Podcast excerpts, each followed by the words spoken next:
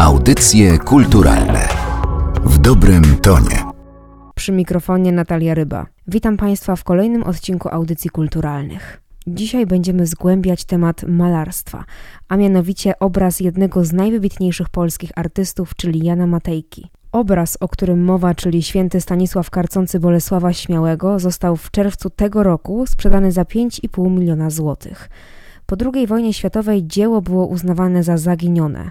Artysta pracował nad nim w czasie, gdy tworzył bitwę pod Grunwaldem. Święty Stanisław Karcący Bolesława Śmiałego ma zaledwie 35 na 47 centymetrów. Nie bez powodu w tym odcinku wspominamy twórczość Jana Matejki. Dziś przypada 611. rocznica bitwy pod Grunwaldem, którą artysta mistrzowsko przedstawił na swoim najbardziej znanym dziele. O twórczości Jana Matejki porozmawiamy z Agnieszką Zagrajek, historyk sztuki z Muzeum Narodowego w Krakowie, z oddziału Domu Jana Matejki. Zapraszam.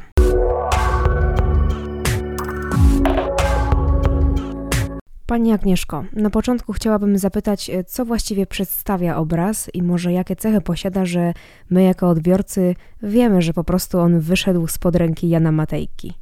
Został namalowany w technice olejnej w niewielkim formacie i najczęściej właściwie obrazy Matejki kojarzymy z takimi wielkimi formatami, wielkimi realizacjami. Myślimy o nich jako o takich wielkich płótnach najczęściej. Tymczasem on tworzył również sceny kameralne, nie tylko takie wielopostaciowe, rozbudowane sceny batalistyczne, czy sceny przedstawiające jakieś wielkie, ważne wydarzenia, jak na przykład hołd pruski, ale również sceny kameralne, gdzie w małej przestrzeni ukazywał niewielką e, grupę osób powiązanych ze sobą w pewnej akcji, w pewnej narracji, wyrażającą pewne napięcia, odczucia. Można powiedzieć, że komponował te sceny w sposób bardzo teatralny, tak jak reżyserowane są pewne sceny e, spektakli. Ten e, obraz, o którym mówimy, jest właśnie tego świetnym przykładem. Trzy postaci umieszczone w, we wnętrzu, można powiedzieć bardzo intymnym wnętrzu, wnętrzu, w alkowie. Święty Stanisław, który wchodzi do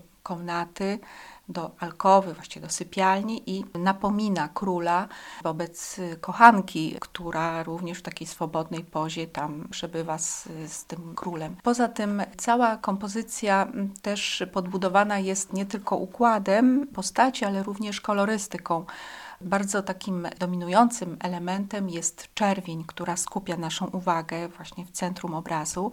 Ta czerwień jest nie tylko elementem formalnym, ale również treściowym, ponieważ czerwień kojarzy się z płomieniem, z żarem, nawiązuje do, do namiętności, do gniewu, do ekspresji. A więc Matejko y, wykorzystywał różne elementy warsztatu, nie tylko kompozycji, nie tylko koloru, ale również detalu. Y, I ten detal jest, można powiedzieć, fenomenalny.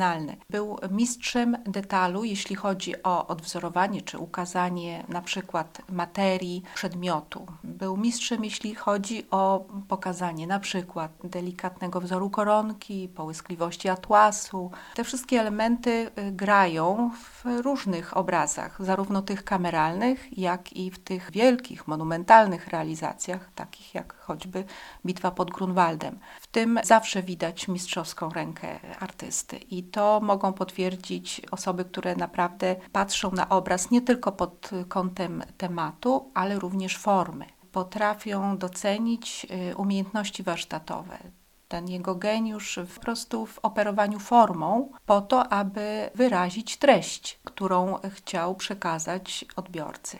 A ten odbiorca to był bardzo zróżnicowany. Czasem były to tłumy zwiedzające galerię obrazów, czy właśnie kolejną wystawę jak również odbiorca indywidualny, który chciał mieć taki piękny kameralny obraz w swoim domu, zawiesić go na ścianie i zamawiał taki obraz u uznanego w ówczesnym świecie artysty. Elementem, który często powtarza się na obrazach artysty, jest wspomniana już przez panią właśnie czerwień. Widzimy ją przecież na obrazach takich jak Stańczyk, Kazanie Skargi czy właśnie Bitwa pod Grunwaldem. Jan Matejko często też powtarza na swoich obrazach wizerunki tych samych postaci. Tak jest na przykład w przypadku postaci świętego Stanisława, którego przecież widzimy na obrazie omawianym przez nas dzisiaj, ale widzimy go także w obrazie Bitwa pod Grunwaldem. Dlaczego ta postać była tak ważna dla artysty? Można powiedzieć, że są takie postaci, które łączą no jakby przewijają się przez całą twórczość Jana Matejki, od, można powiedzieć od tych wczesnych lat szkolnych, kiedy dopiero nabywał pewnych umiejętności warsztatowych, bardzo rzetelnie i sumiennie y, pracował nad tym, aby y, opanować umiejętności warsztatowe. Potem, kiedy te umiejętności rozwijają się, osiągają naprawdę wysoki bardzo poziom, to wszystko służy właśnie przede wszystkim temu, aby wyrazić y, pewne myśli, pewne przesłanie. Przechodząc od warstwy formalnej do tej warstwy, treściowej są takie postacie kluczowe w, w, twórczości Matejki. Jedną z nich jest właśnie święty Stanisław, postać bardzo znacząca. Po pierwsze dla historii polskiej, również dla e, tutaj historii naszej, naszego miasta Krakowa. Święty Stanisław ze Szczepanowa, biskup i męczennik, no, jest postacią, która sięga właściwie początków państwowości polskiej, a z drugiej strony jest też taką postacią, można powiedzieć, kojarzoną z postawą bardzo taką wyrazistą, y, krystalicznie czystą pod względem moralnym. Myślę, że z tego powodu Matejko chętnie odwoływał się właśnie do świętego Stanisława jako takiego punktu odniesienia. Ta postać pojawia się w kilku obrazach. Oprócz tego obrazu, o którym właśnie w tej chwili rozmawiamy, czyli tego momentu, który ukazuje karcenie króla poprzez biskupa, ten moment zwrotny, kiedy właściwie nastąpiła eskalacja tego napięcia, która potem doprowadziła do zabójstwa świętego Stanisława z rąk siepaczy królewskich. I ten moment zwrotny, który spowodował, że właściwie można powiedzieć, wpisał się w historię zarówno polskiego kościoła, jak i polskiej państwowości. Biskup zginął y, z rąk prawda, nasłanych żołnierzy królewskich, ale król stracił przez to koronę. Polska utraciła i biskupa, i można powiedzieć króla. Ale właśnie takim momentem zwrotnym i myślę takim, który Matejko wydobył, był ten moment, można powiedzieć, odrodzenia, ponieważ e, śmierć biskupa, który, można powiedzieć, zapłacił życiem za wierność prawu moralnemu, które głosił i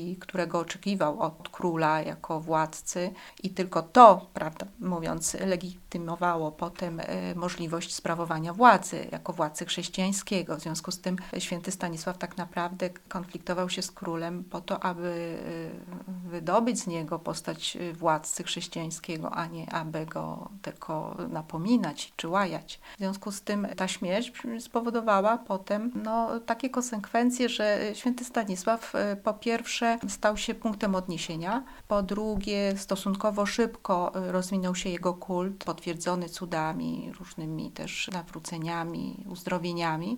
I potem ta postać stała się jakby taką latarnią poprzez wieki. Zresztą z postacią świętego Stanisława wiąże się również taka legenda, że poćwiartowane ciało rozrzucone właśnie przez tych oprawców. Y, cudownie się zrosło. I ten motyw jakby scalenia, nawet po śmierci, był też takim symbolem tego, że państwo, które zostało rozszarpane, na, można powiedzieć, na strzępy, też w przyszłości ma szansę na odrodzenie, na jakieś scalenie. Więc święty Stanisław z jednej strony jako punkt odniesienia, jako taki moralny przewodnik, a z drugiej strony jako postać historyczna. Więc y, Matejko, który w swoim życiu kierował się właśnie również taką troską o, o polskość, o polską tożsamość, postać świętego Stanisława była mu po prostu bardzo bliska. Jak to się w ogóle dzieje, że obrazy z takim znaczeniem z rangą takiego artysty mogą w ogóle zaginąć? Znaczy, można powiedzieć pokrótce e, tak.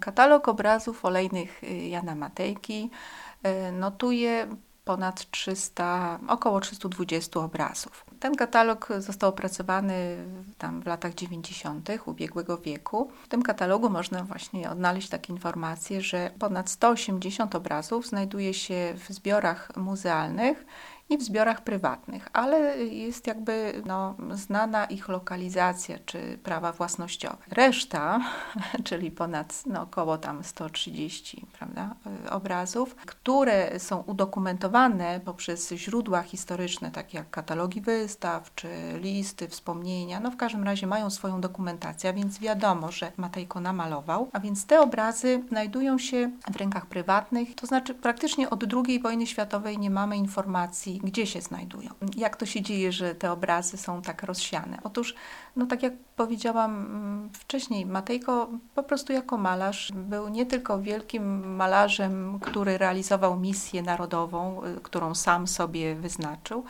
ale po prostu był artystą, który zarobkował w ten sposób, malując obrazy. Ale tak jak powiedziałam, malował również obrazy o tematyce historycznej, na konkretne zamówienie dla zleceniodawców. Trafiały do, po prostu do galerii albo były kupowane przez zamożnych na przykład arystokratów, prawda? I to było wiadome, że takie obrazy trafią, można powiedzieć, na wielkie ekspozycje. W miarę, kiedy Matejko zdobywał coraz większą popularność, wielu zależało na tym, aby posiadać obraz jego autorstwa. W ten sposób wiele obrazów trafiło do rąk prywatnych i nadal się znajduje w rękach prywatnych. Jest y, nadzieja, że wiele z tych obrazów obrazów jeszcze wypłynie, bo w ostatnim, że tak powiem, na widok publiczny, gdyż w ostatnim czasie tak się właśnie działo, co najmniej z kilkoma obrazami, które przez prawie 100 lat na przykład uchodziły za obraz zaginiony, albo przynajmniej o niewiadomym miejscu przechowywania. Całkiem niedawno pojawiły się na rynku antykwarycznym, wzbudzając zawsze niemałą sensację. Dzisiaj również obchodzimy 611. rocznicę bitwy pod Grunwaldem i z tej okazji właśnie chciałabym zapytać, jak to jest, że ten obraz wciąż budzi w nas taki ogromny respekt, szacunek i wielki podziw? Bitwa pod Grunwaldem rzeczywiście jest y, niezwykłym obrazem. Ja bym też popatrzyła na niego tak jakby z dwóch punktów widzenia. Po pierwsze formalnie, to znaczy pod względem sposobu, w jaki został namalowany. Dla mnie jest to jeden naprawdę z naj, najbardziej fenomenalnych obrazów ukazujących bitwę. Potrafi wyrazić całą ekspresję walki w sposób no, niezwykły, no, tak jak już Tutaj mówiłam o tym kunszcie artystycznym w sposobie komponowania obrazu, w sposobie ukazania detalu, ale również każda z tych postaci y, tak naprawdę to jest osobne studium portretowe. W związku z tym jest to obraz absolutnie fenomenalny. Przy czym ja zawsze y, tak z uśmiechem sobie myślę o tych, którzy zarzucają, że brakuje tam na przykład głębi perspektywicznej. Myślę, że ja bym się nie zgodziła, że jest to słaba strona tego obrazu. To jest po prostu obraz, obraz, który został zamierzony i zrealizowany właśnie w ten sposób. Nie jest ważna e, głębia perspektywiczna. Jest to obraz zakomponowany na zasadzie stop-klatka filmowa. Tutaj wszystko dzieje się praktycznie na pierwszym planie, chociaż oczywiście są te plany również rozrysowane w głębi ale cała ta dynamika bitwy y, jest wyrażona w sposób absolutnie fenomenalny. To tak pod względem formalnym. Natomiast pod względem treściowym, czyli jakby tematu, który został y, pokazany, myślę sobie, że to jest właśnie trochę tak z Matejką naszej percepcji, takiej współczesnego odbiorcy. Z jednej strony wydaje się nam, że jest to postać już trochę odległa, taka archaiczna, ale z drugiej strony y, w gruncie rzeczy jest nam bardzo bliski. I tak samo ten temat, który podjął, to jest w zasadzie taki chyba temat, który najbardziej jakby porusza taką nutę tożsamościową. My bardzo różną postawę mamy względem powiedzmy patriotyzmu, czy tego jak myślimy o, o polskości, czy o sobie jako Polakach, prawda? Bardzo różnie. Myślę, że każdy y, z nas w różny sposób na to popatrzy. Niemniej jednak ten element patriotyzmu odzywa się chyba w każdym Polaku w różnych y, momentach. Ja sobie tak myślę, że na przykład w czasie y, rozgrywek piłkarskich powraca na przykład jakieś nawiązanie do, do bitwy pod Grunwaldem chociażby, więc widać, że taki motyw polskości, patriotyzmu, triumfu oręża polskiego, czegoś, co się nam udało, co zapisane zostało na kartach historii jako wielki triumf, wielkie zwycięstwo, więc ten element pisał się w polską kulturę, w polską tożsamość i tak naprawdę on już tam jest bardzo głęboko zaszczepiony. Myślę, że ten obraz, on rozbrzmiewa w nas w różnych momentach, czasem na poważnie, czasem może tak trochę bardziej humorystycznie, ale jednak wyraża e, coś bardzo istotnego dla nas, Polaków. Bardzo dziękuję za rozmowę. Do usłyszenia. Audycje kulturalne w dobrym tonie.